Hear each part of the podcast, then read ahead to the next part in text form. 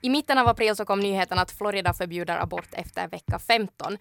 Den här nyheten väckt mycket uppmärksamhet också här i Finland och många reagerar på att det betyder att man då bara får göra abort fram till vecka 15. Men något som man kanske inte alltid tänker på är att vi i Finland faktiskt har en av de strängaste abortlagarna i Europa.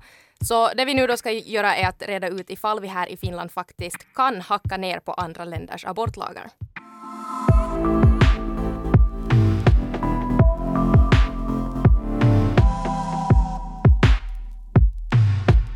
Okej, men om vi, om vi börjar direkt med en djupdykning i abortlagen i Finland. Mm. I Finland kan då en gravid person inte göra abort utan någon form av orsak. Mm.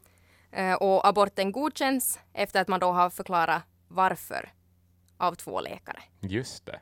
Eller liksom man måste förklara varför till två läkare och sen ska det då godkännas av två läkare. Exakt. Eh, ja, och enligt nuvarande då lag så är det möjligt att få göra en abort fram till den tolfte graviditetsveckan. Mm. Men med speciallov från Valvira så kan en abort göras upp till vecka 20 eller i väldigt specialfall före vecka 24.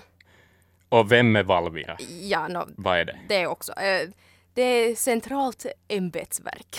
Just det. Nej, ah, men- okej, no, men bra. Du behöver inte säga något mer. Jag fattar. Ja, precis. Nej. men till, de övervakar bland annat sjukvården i det här landet. Precis. Att det är sen de som ger det här beslutet att om det faktiskt är något specialfall. Ja, det finns väl vissa fall där man inte behöver Mm. två läkares godkännande.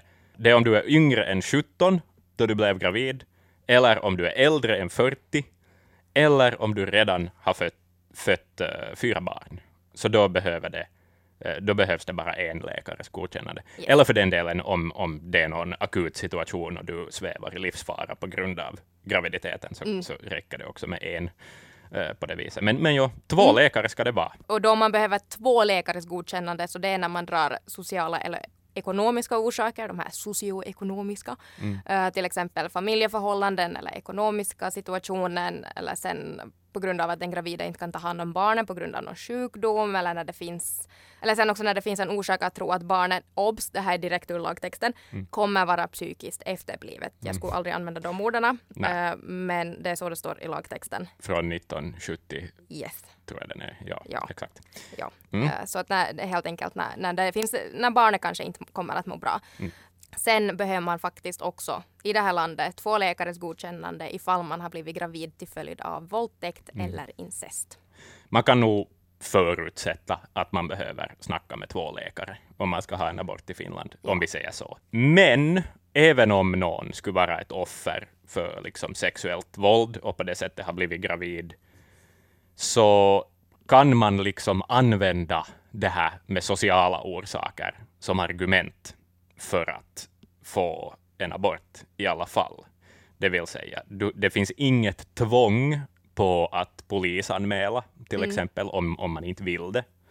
Dessutom så blir det liksom enklare byråkratiskt, om vi säger så, att bara säga att jag kan inte få barn nu på grund av sådana här livsorsaker. Jag har inte Ja. råd, eller jag studerar, eller vad, vad det nu än må vara. Men förstås, väljer man att, att, att göra polisanmälan och allt sånt, så funkar det också som en jättegiltig orsak att få en abort. Förstås, då, då ska du skicka in all, mera papper och så vidare, och det liksom ska gå via polisen. Och, och. Så, men vi kommer in på lite mer Ja. det här i detalj, men, men det där, ja. Okej, men om vi då bortser från det här fruktansvärda med, med våldtäkt och incest, Mm. så annars verkar det ju som att man får en, göra en abort relativt lätt, eller liksom med vilken orsak nästan som helst ändå i, här i Finland. Så det låter ju ändå kanske inte helt jävligt. Då kan man ju kanske fråga sig att varför anses Finlands abortlag vara så sträng fast Ja. den kanske inte låter så? I praktiken så har ju lagen tolkats rätt liberalt och majoriteten av aborterna i Finland görs just av sociala skäl. Eh, Men den nuvarande lagen som finns är ändå väldigt problematisk med tanke på just kvinnors självbestämmande rätt. Att fast de får den här aborten sen, eller får göra den, så är det väldigt problematiskt med att en kvinnas egen vilja inte räcker som grund för att avbryta en graviditet utan man måste få det här lovet av oftast två läkare. Och oftast ska den ena vara från till och med specialsjukvården. Så Japp. det är en väldigt jobbig process, det är en väldigt förnedrande process att måste förklara varför man inte vill ha barn två gånger. Vi kommer in i slutet av det här avsnittet så sammanfattar vi lite snyggt sådär hur den här processen går till helt i korthet. Sådär så att om man råddas bort av alla läkare man måste vara i kontakt med och sånt, så det kommer svar. Ja, även om man måste ha en orsak i Finland och allt det här, så fram till vecka 12 i din graviditet, så räcker i princip argumentet att jag vill inte ha barn. Alltså sådär, Ja. egentligen räcker det som orsak i Finland. Det kan vara att du behöver säga det på ett annat sätt. Liksom. Att, att du behöver säga det som att Nej, men jag har inte pengar, eller Ja, lägga till en bisats. en bisats, Ja. eller sådär, jag hade tänkt söka ett nytt jobb. Vill man vara på säkra sidan, så, så hitta på en anledning, om inte annat. Liksom Mm. Ja. Fast det skulle ha gått över 12 veckor, då, då säger lagen då att har det gått över 12 veckor så måste man få godkännande av Valvira. Då. Mm.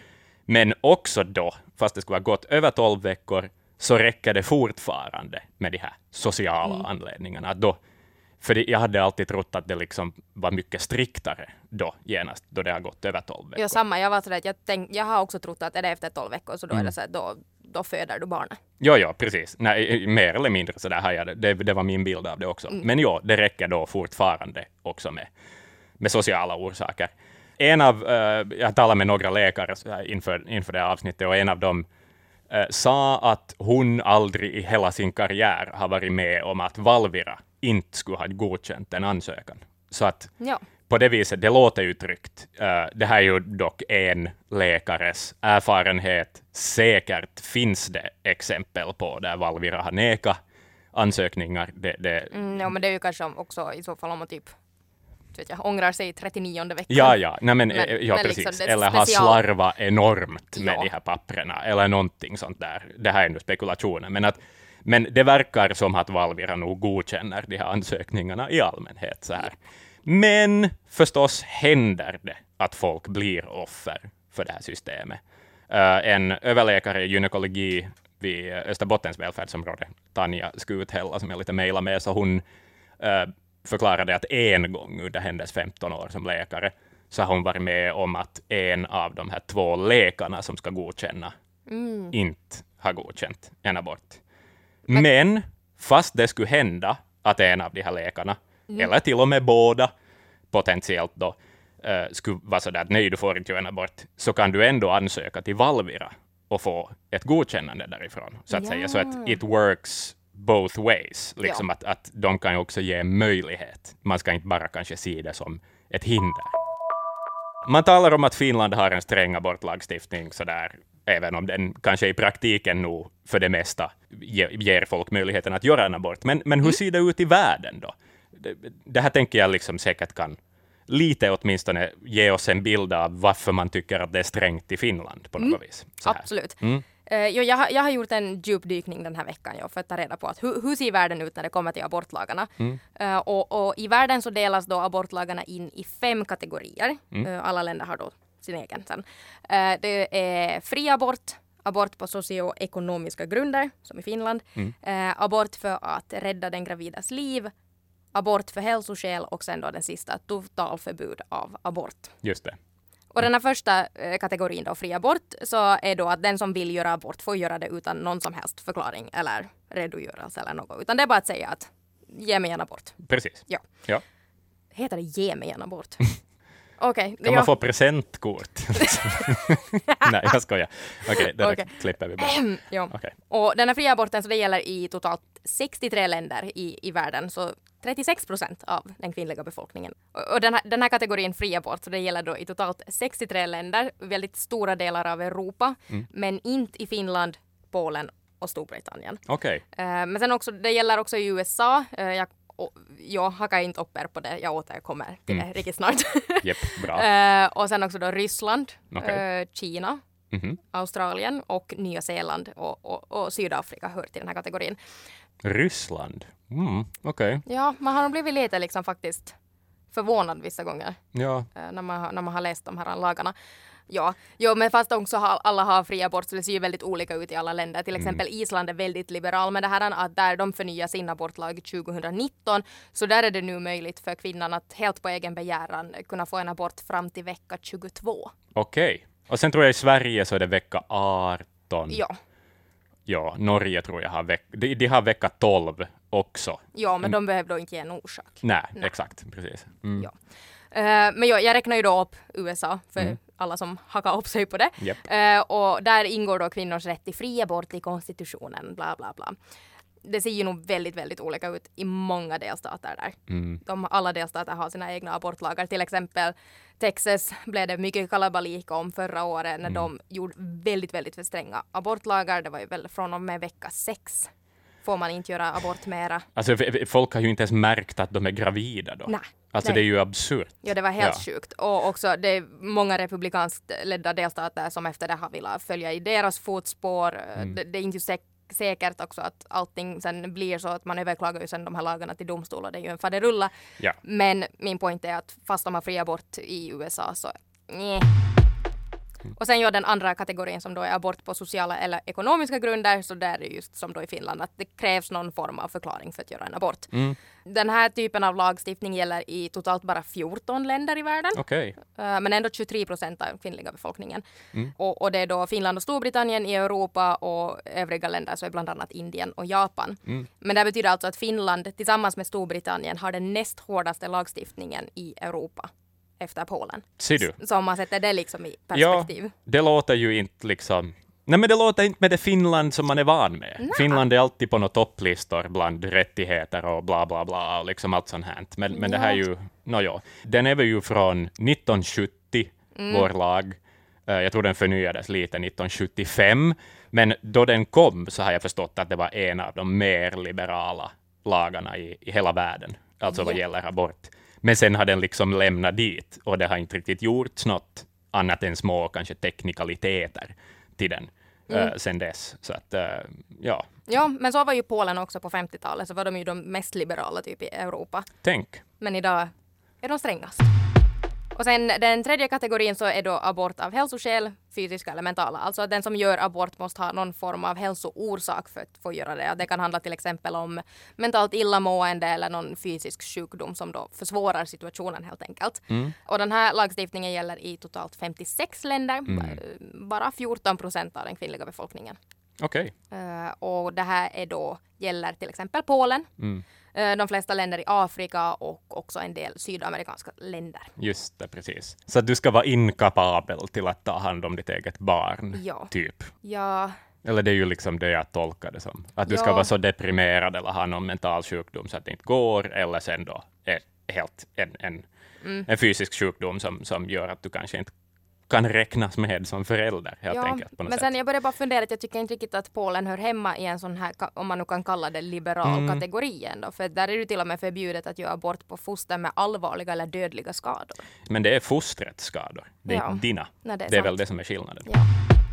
Okej, och sen den näst sista kategorin, den fjärde, så är abort då för att rädda den gravidas liv. Och i de här länderna så får då abort bara göras om den gravidas liv på riktigt är i fara på grund av graviditeten. Just det. Eh, och det här gäller i totalt 39 länder i världen, 22 eh, procent av den kvinnliga befolkningen. Mm. Eh, och det, det, gäller i stora delar av Sydamerika och Centralamerika och sen också delar av Mellanöstern, stora delar av Asien och många länder i Afrika. Att vi, mm. vi rör oss inte riktigt mera i Europa. Nej. Eller vi rör inte oss alls mera i Europa. Så där är det mera no, men ett livräddningsingrepp än ens att betraktas som abort på ja. något vis. Och sen då den sista kategorin, Mm. totalförbud mot abort. Uh, alltså man, det, det länder, alltså de tillåter inte abort för något. Nej. Uh, och det leder ju till att många farliga aborter görs här för att de då inte är lagliga. Mm. Uh, och det här gäller ändå i 26 länder. Mm. Uh, 5 procent av den kvinnliga befolkningen. Mm. Och i bland annat Egypten, Filippinerna, Irak och Haiti. Men här kommer vi också faktiskt lite tillbaka till Europa. Andorra det där landet som ingen vet var det finns, som är i Pyrenéerna mellan Spanien och Frankrike. Ja. Och Malta, eh, för den delen också, har ett totalförbud. Det kan mm. hända att det finns några fler. Vatikanstaten är väl nog nästan övertygad om att ja. inte tillåter det också. Så där är det ju att fast det ändå är 26 länder så det är väldigt små länder. Så Precis. Det är ju ändå bara 5 procent av den kvinnliga befolkningen, men det borde ju vara noll. Vi går tillbaka till byråkraternas land. Ja, Alltså det är ett byråkratiskt land det här. Ja. För jag blev så arg på det, alltså på det sättet. Jag satt och kollade lite hur de nordiska länderna, äh, Sverige och, och Norge och Danmark och så här, mm. hur, hur, det går till i de länderna. Så, så kom jag över då skriven från någon norsk folkhälsomyndighet. En sån här fin liksom pdf-dokument på två, tre sidor, där det steg för steg skrevs på förståeligt språk hur allting går till. De, de skrev att så här länge har du på dig, det är hit du ska ringa. Om det inte blir godkänt så kommer de här människorna att behandla din ansökan och så vidare. och så vidare. Och liksom mm. Lista ut precis vad det är för människor i alla nämnder och, och så här. Jättetydligt och förståeligt och fint. Ja. så här. Och i Finland så är det liksom om man googlar på något sådär abortprocess så, så hittar man det där standard att det är fram till vecka 12 och efter det så är det Valvira som sköter skiten. Men inte liksom något ord alls om vad Valvira är. Nej. Vem som jobbar där. Uh, kan man ta kontakt med dem? Hur stort gäng är det som sitter där och tittar på dina papper och bekantar sig med din livssituation och allt sånt här? Vilka grunder de fattar sina beslut på. Det, det, det finns inte någonstans. Och det, jag tycker att det är så konstigt, för att det är ju ändå ett stort beslut som folk fattar. Alltså jag menar, det kan vara ett jättekänsligt beslut. Och okej, okay, mm. jag är man, men jag tänker mig så här, om jag skulle vara en, en vet du, kvinna med morning sickness och, och vet du, ja. Eh, mitt i någon hektisk vardag så har du ändå fått det här på, dina, liksom, på ditt bord att, och måste dela med på något ja. vis. Jag tycker att det skulle vara jätteskönt att få veta vem det är som bestämmer över om du kommer att föda ett barn eller inte. No, eller på något hur? vis. Att, att det, som, ja, visst, vår lagstiftning må vara strikt, men då skulle man åtminstone kunna jobba lite på kommunikationen, om, om, jag, liksom, mm. om jag är helt ärlig på det sättet. Och okej, okay, om någon då undrar vem det är som antagligen kommer att bestämma över huruvida du föder barn eller inte, så fick jag inte svar då. Vi, vi har försökt vara i kontakt med Valvira, men de ja. hade inte tid tyvärr att svara på frågorna. Men eh, en läkare på, på HUS eh, sa att det antagligen är jurister som, eh, som jobbar på Valvira som fattar de här besluten. Hon kunde också informera mig om att de möts två gånger i veckan, på tisdag förmiddag och torsdag förmiddag. Nu värre än skatteförvaltningen. ja, exakt. Men då, då, två dagar i veckan så behandlar Valvira de här ärendena på det ja. sättet. Uh, och, och, ja, och det där med att det är jurister, att det är som på det viset, hela den här processen är ju skum på det viset att, att den är delvis medicinsk, men den är ju mestadels har ju att göra med lagstiftning. Och ja. att det liksom, därför antar jag ju också då att det är jurister. Men mm. det här mm. får, får, om någon på Valvira lyssnar så kan ni ju skicka in ett svar. Inför det här avsnittet så jag tog min research. Jag, jag försökte ha mindsetet av att okej okay, nu är jag själv gravid och vill avbryta min abort, mm. alltså avbryta min graviditet. Ja. Uh, och det enda jag möttes av var så här stora rubriker som bara kom rakt i facet på en. Bara avbrytande av havandeskap. Och, man, ja. liksom, och jag hittade inte någon, alltså jag förstod ju alls hur man skulle göra. Så jag är glad att inte jag behöver göra en abort för tillfället. Nej, nej. Säg, att du är, säg att du är 15 år gammal mm. och har råkat bli gravid på något sätt. Jag menar, vet du ens vad havandeskap är? Ja, vet du att skriv nu så att någon förstår det. Liksom, Okej, okay, man tar väl kontakt med vården och säkert får man hjälp och allt sånt. Men, men ändå det här liksom första Google-arbetet som ändå alla gör, ja. att det liksom ska vara så knepigt, tycker jag är, är, är märkligt bara. Ja. Finlands lagstiftning är sträng, saker, systemet kan verka lite råddigt. Blir det bättre? Kommer det att hända någonting framöver? Mm. No, alltså, alltså, vi är ju många som hoppas på att det blir bättre. Mm. Eh, Kvinnosaksförbundet till exempel, eh, Unionens kampanj Egen vilja 2020, så de kräver en reform av Finlands abortlagstiftning. Det var hösten 2020 som ett medborgarinitiativ då samlade över de här 50 000 underteckningarna som behövs mm. under en månad. Så, så de vill liksom helt enkelt förnya den här då abortlagen vi har. Mm. Men enligt Kvinnosaksförbundet unionens ordförande Fatim Diarra, så hon har själv sagt att det egentligen inte rör sig om några väldigt radikala förändringar de mm. vill ha, utan det handlar just om att uppdatera den här lagstiftningen bara så att den motsvarar den europeiska nivån som vi tidigare hörde då att den inte gör. Precis, det här med fri vilja. Mm. Liksom. Mm. Ja. ja. Och, och, en uppdatering av lagen skulle liksom också frigöra resurser inom den specialiserade vården. Att man behöver ta upp två läkares tid för Nej. att få en abort. Precis. Uh, och det här medborgarinitiativet så det föreslår inte heller att den här vecka 12 ska förlängas utan bara att det inte helt enkelt ska vara en så jävlig process. Exakt. Men också oberoende hur liberal abortlag man än skulle ha eller hur, hur lagligt man än kan göra det mm. så betyder ju ändå inte att det någonsin är en lätt sak att göra. Att det betyder ju inte att bara för att man gör det lättare att göra en abort så skulle flera aborter göras. Kvinnans rätt är väldigt, väldigt, väldigt viktig. Så, alltså, jag sitter här nu som en feminist och säger det här. Mm. Men det finns också andra orsaker till varför aborter borde vara lagliga överallt. Mm. Och det är just de här farliga aborterna. Som är ett väldigt, väldigt stort problem i hela världen.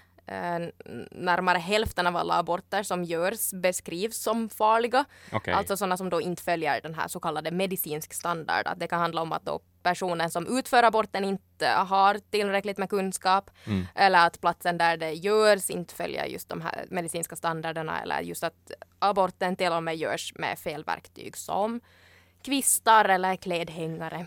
Just det. Sånt. Och det här blir ju väldigt, väldigt snabbt farligt och mm. leder i många fall till dödsfall. Ja.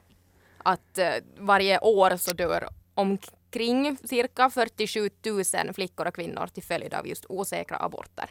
Enligt mm. då Världshälsoorganisationen WHO. No, men, alltså, jag skulle ju betrakta det som helt onödiga dödsfall. Mm. Uh, och också människorättsorganisationen Amnesty, så de har uppskattat att det är omkring 20 miljoner osäkra aborter som genomförs varje år. Och många av världens farligaste aborter så sker då i Mellanöstern och Afrika. Till exempel Irak så toppar statistiken i fråga om då farliga aborter mm. där det också i det landet som sagt är totalförbud. Mm.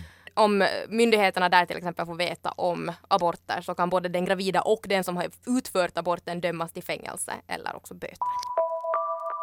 Okej, men så när man då snackar om alla de här farliga aborterna som görs så det är också väl en orsak till att det behövs de här reglerna och riktlinjerna för hur man ska göra, nej, hur, man, hur man ska gå tillväga helt enkelt för att mm. göra en abort. Så hur går det till här då i Finland? Att vart ska man vända sig? Att är det många steg eller hur komplicerat är det egentligen? Det är egentligen inte särskilt komplicerat. Du misstänker att du är gravid. Då gör du så att du tar kontakt med din hälsovårdscentral eller en läkare eller någon privat eh, sjukmottagning. Det är egentligen ingen skillnad. Eh, bara det är någon, någon legitimerad typ som, som du ringer till helt enkelt. Mm. Eh, du kommer att få en tid eh, inom en vecka, eh, och lovar de flesta, antagligen kanske till och med samma dag eller mm. nästa dag. Man får snacka då med en skötare och en läkare och det de antagligen kommer att prata med dig om, förutom då att be dig om en orsak, är också preventivmedel kommer de att tipsa om, så att säga. Det eh, känns lite nedvärderande på ett mm, sätt. Ja, jag tror nog folk vet om att preventivmedel finns. Men, ja. men, men ja. I guess ja, ja. vården har liksom sin angle med det ändå. Ja, det, de, har ju säkert, de har ju sina regler och vad ja, de ska exakt. göra. Så, Läkare po poängterar alltid om någon har högt kolesterol också, och så vidare. Men ja, eh, steg två då, så att säga. Då får du en remiss eh, till en läkare. Du, du kommer liksom inte att genomföra det här ingreppet då, så att säga, på din hälsovårdsstation, utan du måste få till ett sjukhus. Så.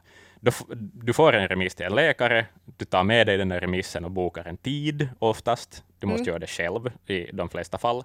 Och så far du till sjukhuset, där kommer en läkare och gör ett ultraljud på dig, bara för att liksom kolla hur långt gången den där graviditeten på riktigt är. Mm. Så att säga. Um, och en skötare förklarar hur den här aborten går till och, och så här. Uh, och säkert säger också den någonting om preventivmedel åt dig. Um, steg tre, då, då det väl ska hända, uh, så får du en...